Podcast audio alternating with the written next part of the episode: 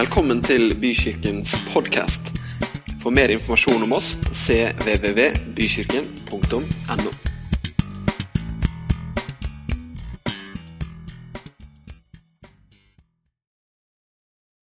Det er herlig å lovsynge hjemme på badet, men det er godt med litt musikere og sånt til stede også. Syns jeg, i hvert fall. Dere, det er jo eh, Det er jo første søndagen vi er sammen i det nye året. Og jeg har fått anledning til å ønske mange av dere godt nyttår, og jeg har fått noen klemmer, og noen har ikke rukket ennå, så det får vi ta etterpå, osv. Men jeg har lyst til, sånn, før jeg liksom begynner på det jeg skal si, så har jeg lyst til å eh, holde på å si nesten fortsette litt der jeg slapp i stad, når det gjelder takknemlighet. fordi at det er jo sånn når man gjør noen skifter, altså overgangen til et nytt år eller ulike ting, så, så gjør det at man stanser opp litt, og så tenker man seg litt om. Og da er, da er takknemlighet et godt ord for å beskrive eh, det som er på innsiden her. Jeg har lyst til å takke alle dere som uke etter uke og gang etter gang stiller opp som medarbeidere, som gjør det mulig for alle oss andre å, å komme her og, og, og, få være med i gudstjenester. Jeg har lyst til å takke dere som åpner hjemmene deres, som har life-grupper for jentene og guttene og damene. Og jeg har lyst til å takke teknikerne våre som gjør en fantastisk jobb. Det bare funker. Og Asbjørn har fylt 50 år siden sist, dere. Tenk det. Det skulle man ikke tro. Men det har han faktisk gjort. Men eh, det er jo farlig å begynne å nevne noen, for da kan man komme i fare for å glemme noen. Men jeg er så takknemlig for alle som er med og gir, alle som er med i bønnene, alle som er med med sin positivitet, og alle som faktisk kommer på søndagene.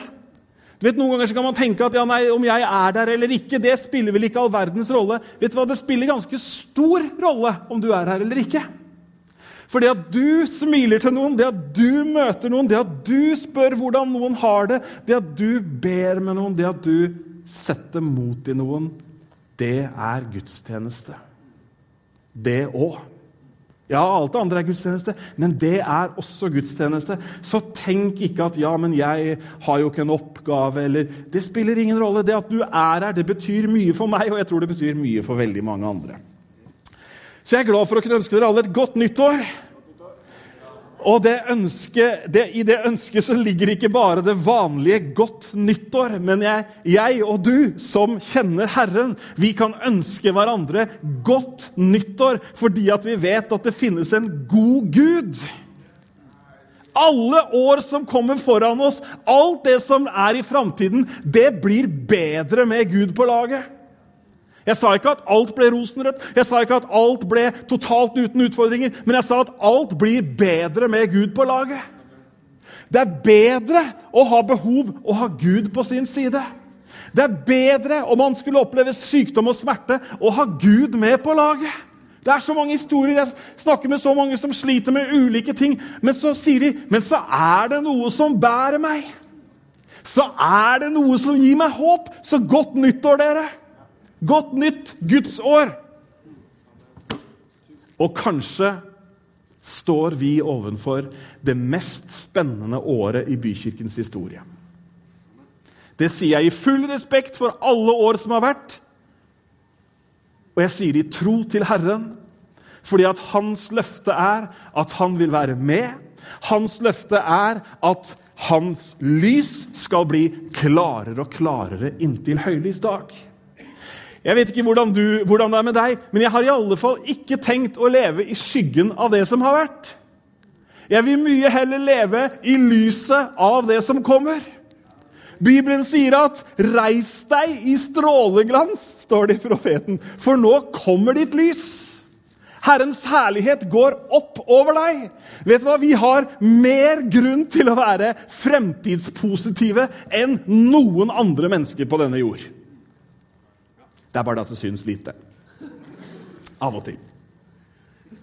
Og vi kan ha gleden på innsiden, men vi har virkelig altså. Og nå er vi ikke over i en eller annen sånn der motivasjonstale. Vi er ikke over i en eller annen sånn der, nå skal vi hype opp stemningen. Men på bakgrunn av summen av denne boka her, så har vi som tror på Han, den oppstandende Jesus Kristus, vi har mer tro, eller vi har mer grunn til å se lyst på framtiden enn noen andre mennesker. Vi har det så er vi på ulike plasser i forhold til det. Ulike hverdager, ulike ting som har skjedd, ulike ting som ligger i løypa vår og i uka vår. Absolutt. Men i dag så har vi forkynt, ved å dele brød og vin, at det finnes en oppstanden Herre. Vi har forkynt Ifølge Bibelen, for maktene, for, myndigheten, for myndighetene, for åndeverdenen, så har Bykirken i dag, 7. januar 2018, forkynt at det var en som vant en evig seier. Det lyset vil jeg leve livet mitt i. Amen. Og det er vi alle invitert til. Yes. Dere har allerede fått spørsmål om nyttårsforsetter. Jeg skal ikke ta den. Men i dag jeg, er det noe som ligger meg på hjertet, og som kanskje er eh, Ja eh, Ikke kanskje er viktig, det er viktig, men, men, men jeg, jeg, har blitt litt overraska sjøl over de ideene og de inputene og de ordene som har blitt lagt meg på hjertet. Kan jeg si det sånn? Noen ganger så tenker man 'åssen i all verden skal jeg få sagt dette?' Men så kjenner man at man allikevel skal si det. Tittelen i dag er 'Books for life'. Og Nå får du ikke tid på topp leselisten eller 'Hva har du på nattbordet, pastor?' Du får ikke den.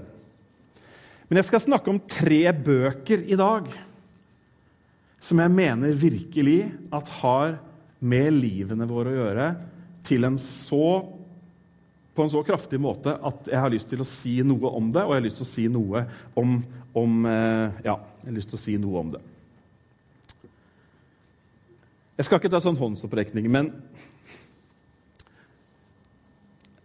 det er en kjensgjerning at i januar eh, så har treningssentrene en god måned.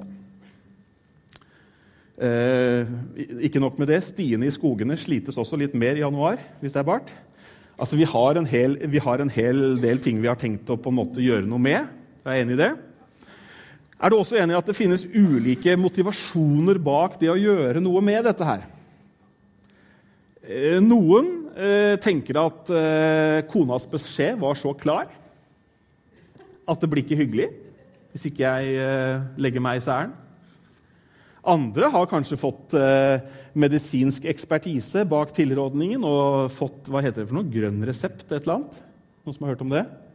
Ja, Det handler om at kanskje en eller annen lege eller et eller annet medisinsk oppegående menneske har sagt at nå må vi gjøre noe med noen tall som angår kroppen din.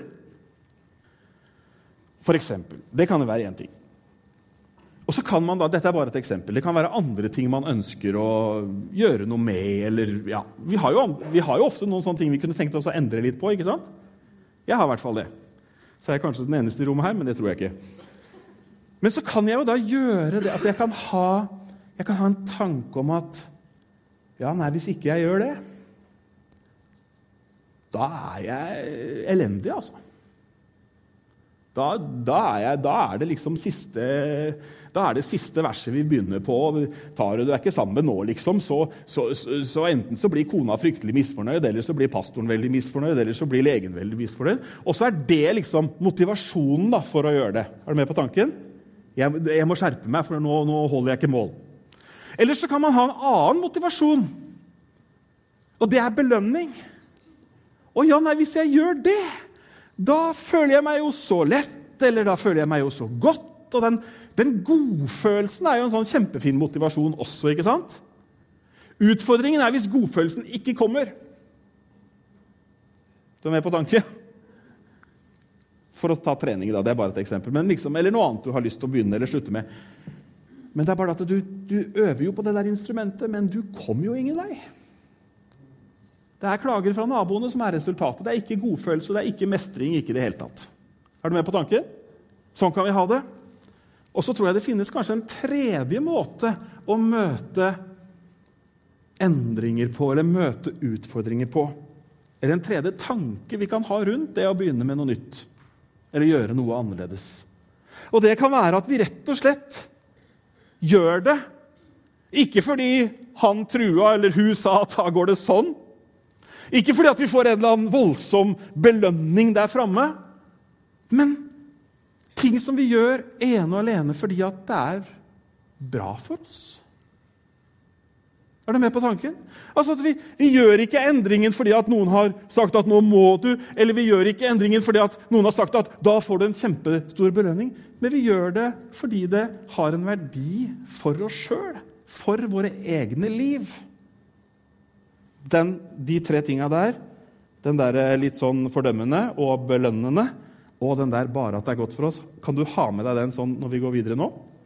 Ja, det er bra. Jeg skal minne deg på den også, så det kommer til å gå kjempefint. Ok Tre bøker i livet. Vi har alle disse bøkene i livet. Og så har jeg lyst til å si litt om hvordan man kanskje bør tenke, kan tenke og kan bruke de bøkene. Den første boka er bøkenes bok Bibelen. Ja, det visste jeg du skulle si. Jeg er i Bykirken, det er Bent Ove som snakker, og det er, ja, det er kirke Ja da, Bibelen. Ja, akkurat. Jeg har lyst til at vi skal lese sammen 2. Timoteus 3, 16. Du skjønner at eh, Bibelen det er jo, dette vet dere, det er verdens mestselgende bok noensinne. Den er nå oversatt til eh, det nærmer seg vel 3000 forskjellige språk. Altså er, Bibelen er et levende mirakel i seg selv. At den lever sånn som den gjør, og alt det den påvirker, og alt det den har vært grunnlaget og inspirasjon for. Altså det, vi hadde ikke hatt tid om vi hadde satt oss ned et år hvis vi skulle fortelle om alle følgene av Guds ord. Alt som har blitt starta fordi noen har møtt Herren gjennom ordet. alt som har blitt ut... Altså det, det, helt, det, det, finnes ikke Det finnes ikke finnes ingen begrensninger, rett og slett. Så den første boka jeg har lyst til å si noe om, er nemlig Bibelen. Helt fra du var et lite barn, har du kjent de hellige skriftene. De som kan gi deg visdom til frelse ved troen på Jesus Kristus. Hver bok i Skriften er innblåst av Gud og nyttig til opplæring, tilrettevisning, veiledning og oppdragelse i rettferd. Så det mennesket som tilhører Gud, kan være fullt utrustet til all god gjerning. For et vers! Noen ganger så har Bibelen blitt en sånn greie som vi tar fram på søndagene. Eller ikke minst i det private så har Bibel ofte blitt noe som vi liksom Ja, nei, leser du Bibelen, da? Altså, du, Er du med på tanken? En sånn der ytre litt sånn negativ Hvis ikke du gjør det, så går det dårlig. Ok? Men dere Mennesket lever ikke bare av brød. Men lever av hvert ord som går ut fra Guds munn. Og jeg har lyst til å slå et slag for å bruke denne boka i 2018 og årene som kommer framover. Ikke fordi at jeg har sagt det.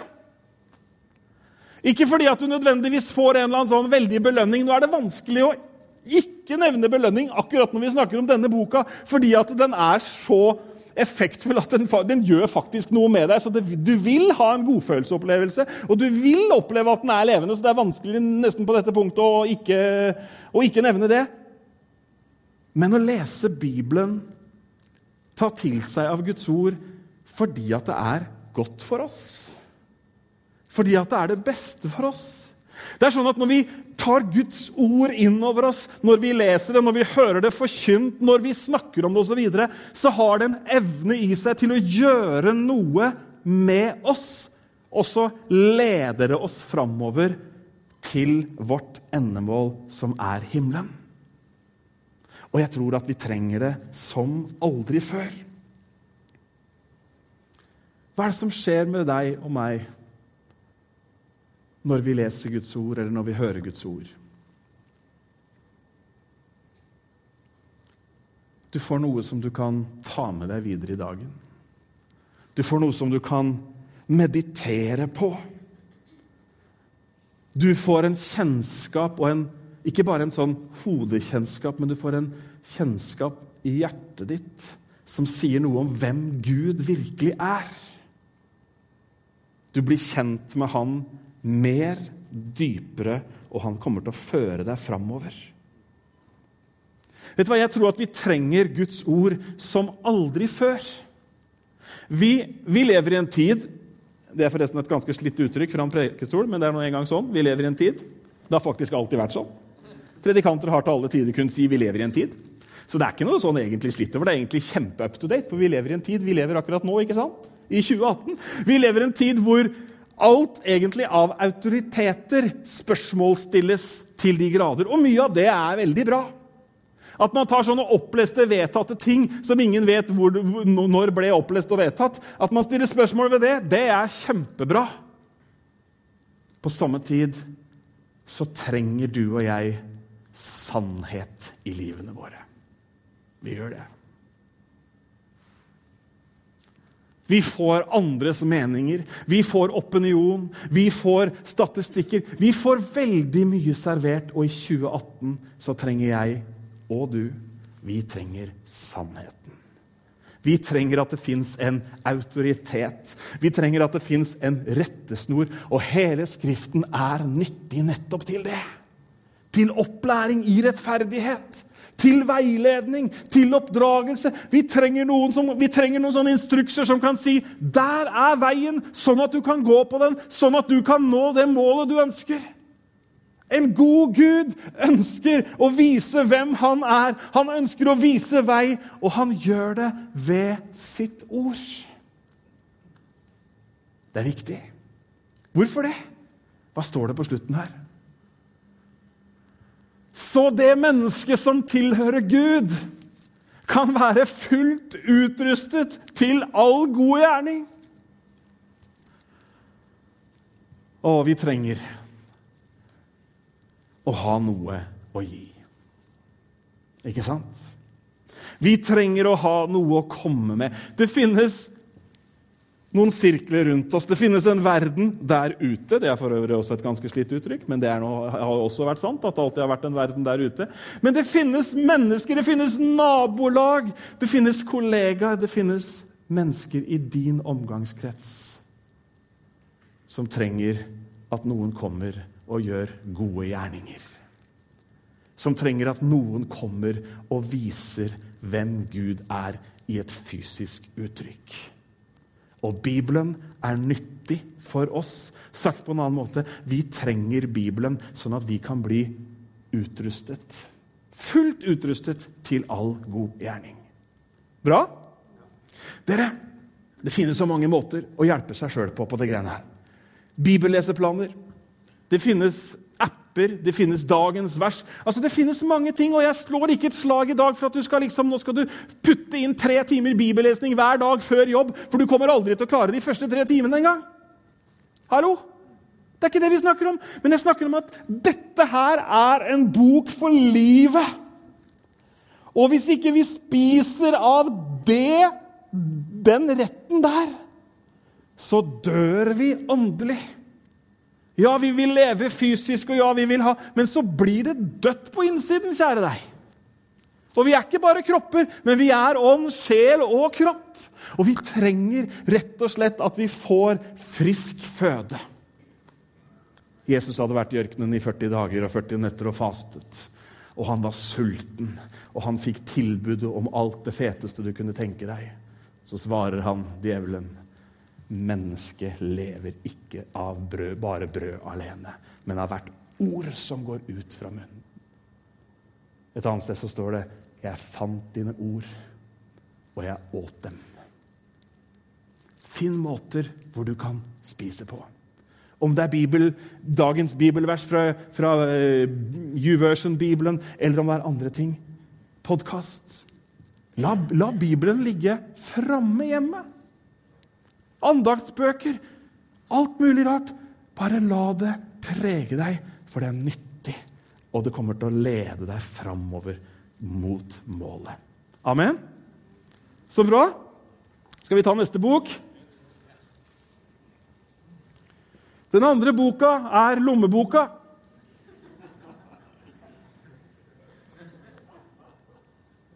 Ja, det var hyggelig at dere lo. Kunne vært at noen hadde reist deg opp og gått. Jeg skal lese sammen i Filippibrevet, kapittel, 10, nei, kapittel 4 og vers 10. Du får det på veggen, eller du kan slå det opp på boka. Før vi leser, før vi leser det, så må, vi, må, jeg bare si en ting. og det er, det er, det er ikke en beklagelse, men det er, det er Jeg ble så oppmuntra når jeg fant ut Hør her. Jeg ble så oppmuntra når jeg fant ut hvor sykt mye det står om penger i Bibelen. Vet du hva? Det står sykt mye om penger i Bibelen. Det fins knapt et tema som plukkes opp hele veien. Og slapp av, nå blir det ikke sånn der, eh, skriv på en lapp hvor mange millioner du skal gi neste år. Slapp, det, kan du ta det helt med ro? Vi snakker om Books for life. Du skjønner at, Vet du hvorfor jeg ble så glad for at det står så mye om, sykt mye om penger i Bibelen? Ja, for da kan det bli mer penger og større lønn. Nei, overhodet ikke. Vet du hvorfor jeg ble så glad? Jeg ble så glad fordi at det er så sykt mye som dreier seg om penger i livet. Så jeg ble så oppmuntra når jeg fant ut at det står så sykt mye om penger i Bibelen. Det gjorde bare boka utrolig mye mer relevant. For hva er det vi snakker om da? Og i hvert fall i vår del av verden. Altså, hva er det Vi snakker om? Vi snakker jo om skatt. Hva er liksom tema nummer én i, eh, i enhver valgkamp? Jo, det er beskatning. Folks personlige økonomi. Altså, vi snakker om lønn, vi snakker om om vi har råd til, vi snakker om å ta oss råd til, vi snakker om å prioritere, vi snakker om å investere. Skjønner du tegninga? Livet handler sykt mye om penger. Kan ikke jeg få et lite nikk på det, i hvert fall, da? For det er sant, selv om du sitter her i kjerka og er from og ikke tenker at det har noe med det å gjøre. Det han, livet handler masse om penger. Og derfor, når jeg skal snakke om Books for life, så vil jeg gjerne si noen ord om den boka som vi bruker aller mest, enten den er digital, plastikk eller i skinn. Det er lommeboka.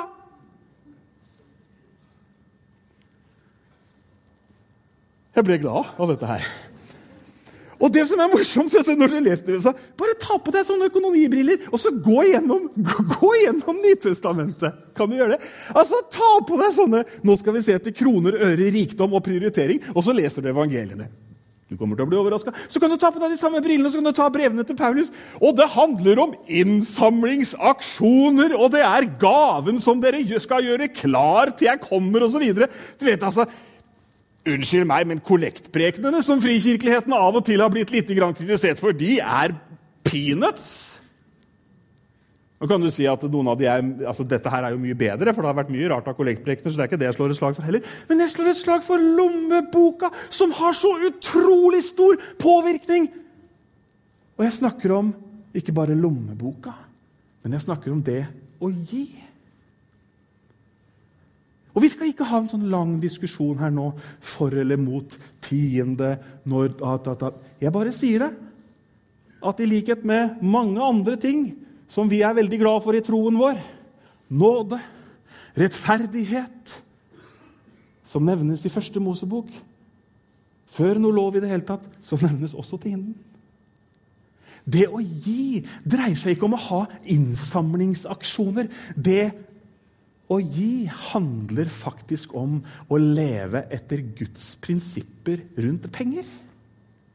For Gud visste at penger kommer til å ha sykt mye å si for menneskers hverdagsliv. Så jeg må si sykt mye om penger, sånn at folk kan oppleve velsignelsen av å faktisk være med Eller i velsignelsen av å leve i Guds forordninger på dette her.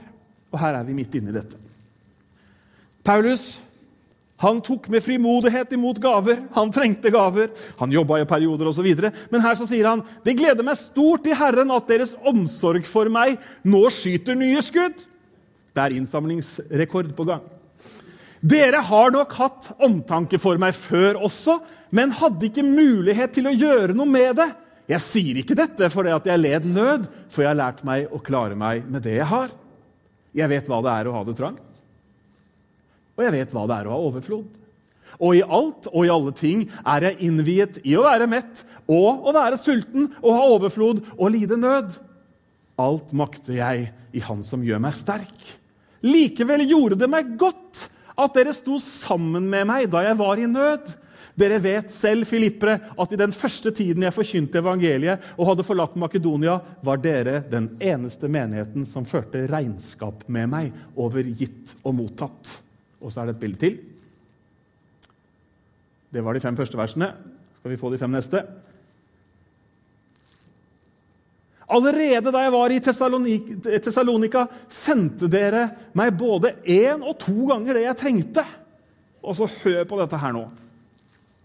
Det er jo ikke gaven jeg er ute etter, men frukten av den. Den og den skal bli godskrevet dere rikelig. Med dette bekrefter jeg at alt er mottatt. Og når jeg nå har nok, og at jeg nå har nok, ja, jeg har mer enn nok. Og når Epafroditus er kommet med sendingen fra dere, den var som en god duft, et offer Gud tar imot med glede så skal, da, så skal min Gud, som er så rik på herlighet i Kristus Jesus, gi dere alt dere trenger. Vår Gud og vår Far være ære i all evighet. Amen. Du skjønner det at eh, når vi samler inn tiende, når vi samler inn gaver, når vi sier at det er et prinsipp i Guds ord å gi, så er gaven er underordnet. Ja, Det må du forklare litt, Tove. Ja, det skal jeg forsøke å forklare litt. For du skjønner det at eh, når man gjør det som Gud sier at man skal gjøre i sitt ord altså Han sier eh, det veldig mange steder, skal, det kan vi ta en bibeltime på. Så skjer det noe med den som gir. Ikke, ikke, ikke det at det er gaven, men frukten av gaven. Hva er frukten av å gi? Hva er frukten? Altså, hva, for å si det på en annen måte, hva gjør nå det med meg? Er vi på den derre 'du må gi, for hvis ikke så kommer Gud til å være misfornøyd med deg', og du er en elendig troende? Mange, ikke mange, men noen, har latt seg motivere av det når det gjelder å gi til Guds rike. Manipulerende kollekttaler, overtalelseskunst, spille på dårlig samvittighet osv har jeg ingen tro på. Ingen tro på det i det hele tatt. Du kan løse et behov, midlertidig behov akkurat der og da. Men eller så kan man bli motivert av belønningen. og er, På dette punktet er det også veldig vanskelig å ikke bli litt motivert av belønningen. For Gud har faktisk selv sagt at hvis du gjør dette her, så altså, test meg, har Gud sagt i Malakias. Hvis, om ikke jeg kommer til faktisk å velsigne deg ganske kraftig hvis du gjør dette her. Så det er, det er vanskelig å se bort fra det. Men kanskje det også her, da, ikke er verken den ene eller den andre nødvendigvis, men det er rett og slett godt for oss. Det er rett og slett godt for oss å skape rom i økonomien som gjør at vi kan være med og velsigne andre. Og så blir det et uttrykk for hva som faktisk er viktig for oss i livet. For det er sånn at der hvor din skatt er, der vil også din, ditt hjerte være. Sagt med andre ord i 2018 det du bruker penga på, det er det som er viktig for deg. Ikke sant? Det er jo det. Det er jo morsomt hvordan man noen ganger kan finne penger til ting man har lyst til. Jeg hørte om en som fant til en dyr, dyr reise. Jeg på hvor han fant, Da var jeg ung, da hadde jeg ikke skjønt uttrykket finne. Han hadde plutselig funnet penger til noe ganske Ja, kan finne penger til bil og kan finne penger til mye rart. Hvis hjertet er kobla på. Så hva er frukten av gaven som Paulus snakker om? Jo, det er velsignelse, tydeligvis. Han snakker om at Gud kommer til å godskrive dette her ganske kraftig. Og så er frukten av gaven er også at hjertene vendes mot Gud. Å gi er å minne seg selv på at for intet har jeg fått det, og for intet skal jeg gi det videre. Å gi er å faktisk erkjenne at det jeg har, det jeg er, det jeg kan, det er alt, alt det er Guds verk. Alt kommer fra ham. Og det er rett og slett godt for oss å gjøre det. Å være med å gi gjør også noe med hvor omsorgsfulle vi er. Det å ta av det som er vårt eget, og gjøre tilgjengelig for andre. Det retter hjertet mot det som faktisk er det viktigste. Og på samme måte som andre disipliner, som å be, som å lese Guds ord osv., så, videre, så kan du være med å gjøre det fordi det faktisk er godt for deg. Hvis vi er et av verdens rikeste land, og det er vi jo, det får vi svart på hvitt år etter år. I, I, rangering etter rangering så er vi i alle fall helt i toppen. Hvis vi er det, så er det helt banalt at kirker og menigheter rundt i Norge har så puslete budsjett. Det er, det, det, er, det er, rett og slett banalt. Jeg har ikke noe mer dekkende ord. Det stemmer ikke. Altså, det er, det er et eller annet her som Men i alle dager Hvor mange vaffelsalg og sokker har vært strikka for å sende en liten slant til et eller annet sted, og så føler vi at vi har gjort livets bragd. Unnskyld alle vaffelstekere og sokkestrikkere. Men mange av de tingene der det er ingenting annet enn en eller annen sånn liten, skjult gjerning som gir oss en viss godfølelse av at nå har vi bidratt med noe, men egentlig så har det ikke kosta oss noe i det hele tatt. Jesus tok en situasjon og lærte disiplene sine. Husker du han satt i, tempel, han satt i tempelet? Og så var tempelkista der borte. Og så kom disse flotte, fornemme borgerne, skriftlærde og andre, og slang i noen mynt. Og, de, og, det var ikke sånn at de dytta de ned. Det var sånn 'Nå gir jeg! Se det!' Eller vi kunne sagt 'Se, nå selger jeg vafler!' Det var ikke noe offer i det de ga i det hele tatt. Så kommer enken. Og så gir hun over evne av sin fattigdom. Og så sier Jesus, 'Se der. Der har du hjertet. Der har du noen som virkelig faktisk er på rett side.' Dere, vi, nå er jeg over i det litt praktiske. Dette er ikke noe A4-preken, det har du skjønt for lenge siden. Vi, helt konkret i Bykirken så jobber vi med å få likhetstegn mellom faste inntekter og faste utgifter. Åssen i all verden går det an? Jo, da må, du, da må, du, justere sånn at de to passer. Så da kan vi enten altså, Enten så kan vi da på en måte si at å, Bykirken er helt fantastisk, dere! Tenk da så! Tenk, det er jo kjempefint! Tenk så mange vi er! og Tenk, tenk vi har barnearbeid! Det er ikke alle som har barnearbeid! og Tenk, vi, vi har jo til og med råd til noen i helstilling og deltidsstilling! og Det er kjempefint! Det kan vi jo si, ikke sant? Og så få likhetstegn mellom der hvor vi er nå, men poenget er at nå har vi en del av inntektene er fast givertjeneste, og så er det litt kollekt på søndager. Og så er ikke fast givertjeneste den er ikke lik faste utgifter. Og vi ønsker, å gjøre, vi ønsker å bygge tro i hverandre. Vi ønsker å bygge på Guds ord, sånn at vi kan komme dit hvor fast givertjeneste og faste utgifter de matcher. Og så, når vi samler inn til ulike ting og tang, så får vi mulighet til å satse videre. Høres ikke det ut som en god plan, faktisk? Høres ut som en kjempefin plan, og vi har til og med liksom gjort det så klart og ferdig at du bruker ca. 180 sekunder på nettsiden vår på å opprette en fast givertjeneste. Og du har ikke bundet deg for resten av livet. Det er ikke 29 år, men du kan stoppe det akkurat når du vil. Men poenget er at vi du skjønner at det, det store poenget er at vi har ikke lov til å si at det var så langt lommeboka strakk. Nå er vi fornøyd. Vi kan jo liksom ha en kirke som er på en måte så stor, og her er vi. Og tenke at ja, men dette er ganske fint. Det kommer et lys på virksomheten vår. Det er noe som treffer oss, som gjør at vi plikter å tenke framover flere og mere. Og det er misjonsbefalingen. Gå ut i hele verden og gjør disipler. Vi, har, skjønner, vi er ikke bare en koseklubb. Vi har et oppdrag i vår by.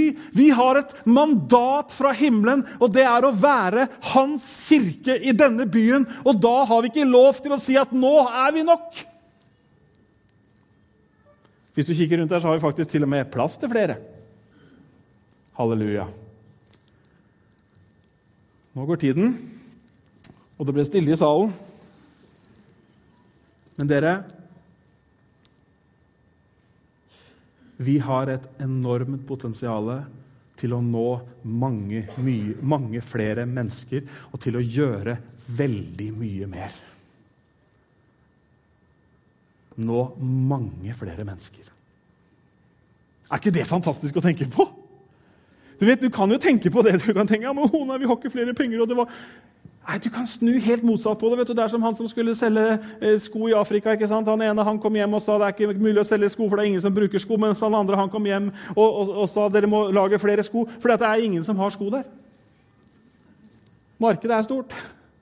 Og du vet, Det blir litt sånn dette her også. Altså, Vi har dere, og det er jo fantastisk! Tenk hva vi har! Ja, Det tar tid å tenke på hva vi har i Norges land, for vi har veldig mye. Listene blir veldig lange. Men vi har altså et utgangspunkt. Vi har en mulighet til å virkelig sette et fotavtrykk på vegne av Guds rike i denne byen. Jeg ble litt begeistra, og det ble Per Yngve også, men ellers var det ingen andre som hadde tenkt den tanken før. Jo da, helt sikkert. Men dere, en viktig bok i livet ditt er faktisk lommeboka. snakka med en pensjonist for en stund siden. Denne pensjonisten hadde bestemt seg for å gi tiende. Og Det er ikke lett å gi tiende alltid når du er minstepensjonist. I hvert fall ikke når du er minstepensjonist, gi tiende, og det kommer uforutsette utgifter. Men denne pensjonisten hadde bare bestemt seg. Det skal jeg faktisk gjøre. Men så kom det jeg husker ikke hva, hva, vedkommende fortalte, om det var en tannlegeregning eller Det var et eller annet som kom i alle fall og, og, og, gjorde måneden ute av balanse. Noen vet hva kanskje det er for noe? Men pensjonisten bestemte seg. Nei, jeg tror jo, Gud, at du forsørger for meg. Jeg tror jo virkelig på det du har sagt. Og Så ga pensjonisten tiende, og helt fra uventa hold så kom det plutselig liksom penger som ikke man hadde, penger som man fant. eller penger, Nei, det kom penger fra et annet sted. Og så opplevde minstepensjonisten at Ja, men Gud sørga jo faktisk for meg. Vi, vi, vi, kan snakke mer om lommeboka en annen gang. Jeg så at noen hadde fått nok nå. Men det, altså, Hvis Bibelen snakker så sykt mye om penger og rikdom, og ikke minst utfordringene rundt det å ha penger, utfordringene rundt det å forvalte store verdier, da må jo vi snakke om det i kjerka òg, må vi ikke det? Vi er jo helt nødt til det. Vi kan ikke liksom late som Å nei, det eksisterer ikke! Og så går vi inn liksom i sånn annen verden i kirka, og å, fantastisk, har du samla 227 kroner på vaffel! Det var nydelig. Det holder ikke til noen ting. For du skjønner, tiende er én ting. Bibelen snakker ikke bare om tiende, den snakker om hellige gaver eller barmhjertighetsgaver. Og så stopper den ikke der heller. Barmhjertighetsgaver det er jo det som på en måte gjør at man strekker seg og gir en gave når det melder seg et behov. på en eller annen front. Men Bibelen snakker faktisk om en tredje form for givertjeneste. Og den nevner jeg, og så løper jeg ut døra. ok? For det er ikke populært. Den snakker om offer.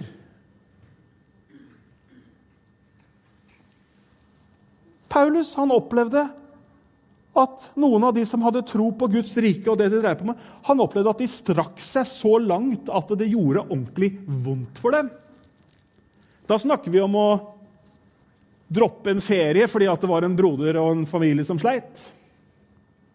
Da snakker vi om å selge noe for å få råd til at, at menigheten kan ha en ungdomspastor eller en barnepastor. Er du med på tanken? Vitt den bibeltimen tar vi en annen gang. det ser jeg på deg. Vi skal ta den tredje boka. ok? Vi tar den tredje boka. Er du med på den tredje boka? Den er ikke så lang, altså, men den er enda viktigere. Nei da. Den tredje boka er nemlig kalenderboka. Books for life, Bibelen, lommeboka og kalenderen. Ja, Nå var det noen som fant fram kalenderen, så jeg. Hva handler det om, da? Jo, det handler jo om tiden vår. Vi skal lese Romerne 13, 11. Dessuten vet dere hvilken tid det er nå. Timen er kommet da dere må våkne opp av søvnen, for frelsen er oss nærmere nå enn da vi kom til tro. Hm. Vi kunne sagt mye om det. Det står om David at han tjente sin generasjon. Og det jeg har bare lyst til å si er at Tiden er helt avgjørende for hvordan 2018 skal bli i forhold til det du og jeg egentlig vil med livene våre. Du vet, det er sånn at Hvis du, skal, hvis du for skal ta lappen på noe, eller hvis du skal bli god til å spille på gitar, da holder det ikke at du bare snakker om det. Da må du melde deg på Bykirken kulturskole. Ikke sant? Det er noen som har gjort det her. Jeg med en i sted. Han, hadde, han hadde tatt det vettet. Han skjønte at skulle det bli noe fart i dette her, så måtte han jo melde seg på kulturskolen. Og Sånn er det med alt annet du vil det skal bli noe fart i, eller alt annet du vil at skal gå mot et mål. Det må få tid. Ikke rekk opp hånda, men bare for moro skyld. Hvor mange her inne skriver opp i kalenderen sin gudstjeneste på søndag? Jeg vil ikke ha noen hender opp. Det er bare morsomt, fordi det, det, er litt forskjell. skjønner du. Hvis du har skrevet noe i kalenderen eller gjort en avtale om noe, så er det en sånn forpliktelse, og så gjør det noe faktisk med oss. Og jeg sa i stad at søndagen er viktig. For det er jo ikke bare det at vi kommer. Nei, kalenderen, tiden min er viktig. Hva er det som skjer på en søndag? Ja, vi har noe kaffe og noe greier, og det er musikk og Det er ikke så farlig. Da må du tenke en gang til. Jeg tror ikke det er så mange som tenker sånn heller. Hva er det som skjer når vi kommer her en søndag? For det første så møter du søsken. Folk som er på vei mot samme endemål. Folk som Du må bare øve deg hver søndag, vet du, for du skal være sammen hele evigheten med disse her. Så det er viktig å drikke kaffe her og bli litt kjent. Og så går vi inn her, og så kommer lovsangerne på. Og så får vi drahjelp. Så plutselig så rettes sinnet vårt, så rettes hjertet vårt mot himlenes Gud. Jesus er i sentrum av alt. Jesus er i sentrum. Så skal ikke jeg prøve meg på mer. Og så kommer Guds ord. La oss lese sammen. Og så er det forbønn. Så kan man snakke med noen. Søndagen er sånne viktige ukentlige punkt. Om resten av uka kanskje er veldig heftig. Og hjertet kan bli kalibrert.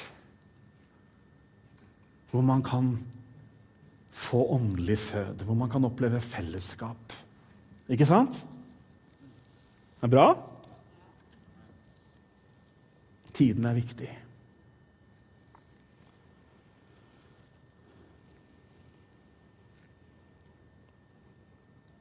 Hva syns du er viktig? Hva er egentlig viktig i livet? Ja, jeg brenner for at barn og unge skal få oppleve Jesus. Da må du inn i kalenderen din. Å, de hjemløse ligger meg på hjertet. Å, måtte, måtte, måtte du sende noen, Herre, til de der ute. Finn fram kalenderen. Sett av litt tid. Kanskje sette av mer tid.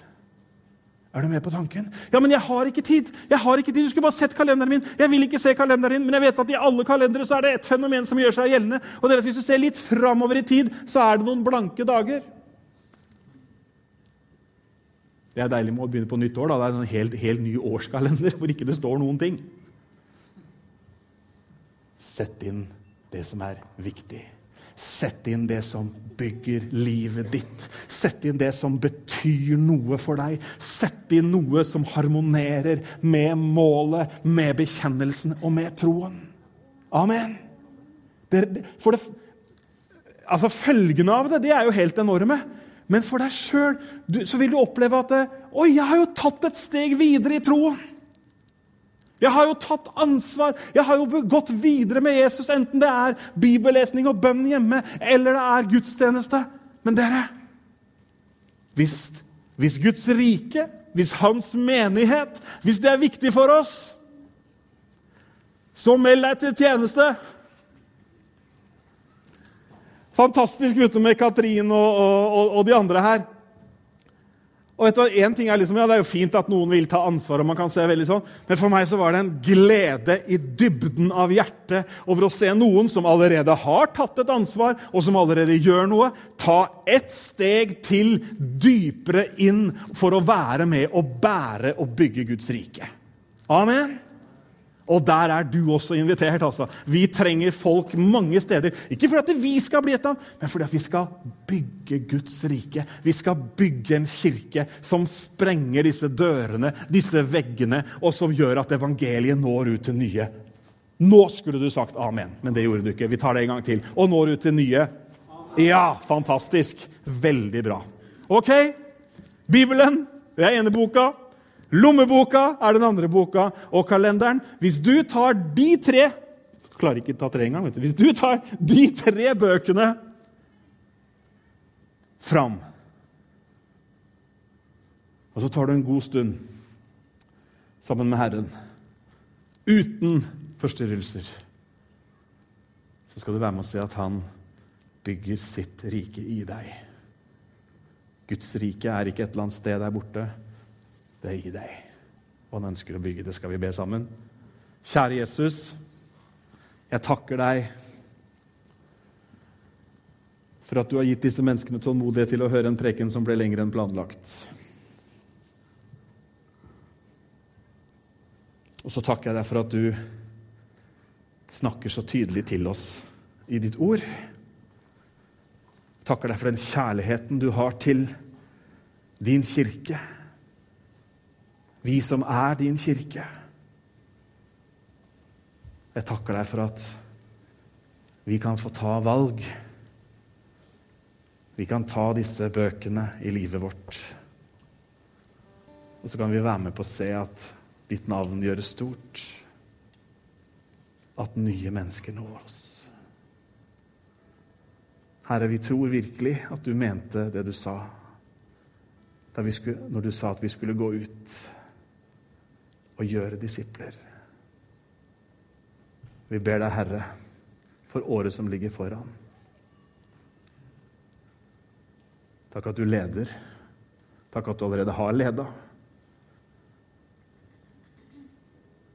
Leder oss til å sette oss sjøl i bevegelse. I Jesu navn. Amen. Amen. Takk, Jesus. Takk, Jesus. Ta med deg Jeg har lyst til å be deg om å ta med deg dette.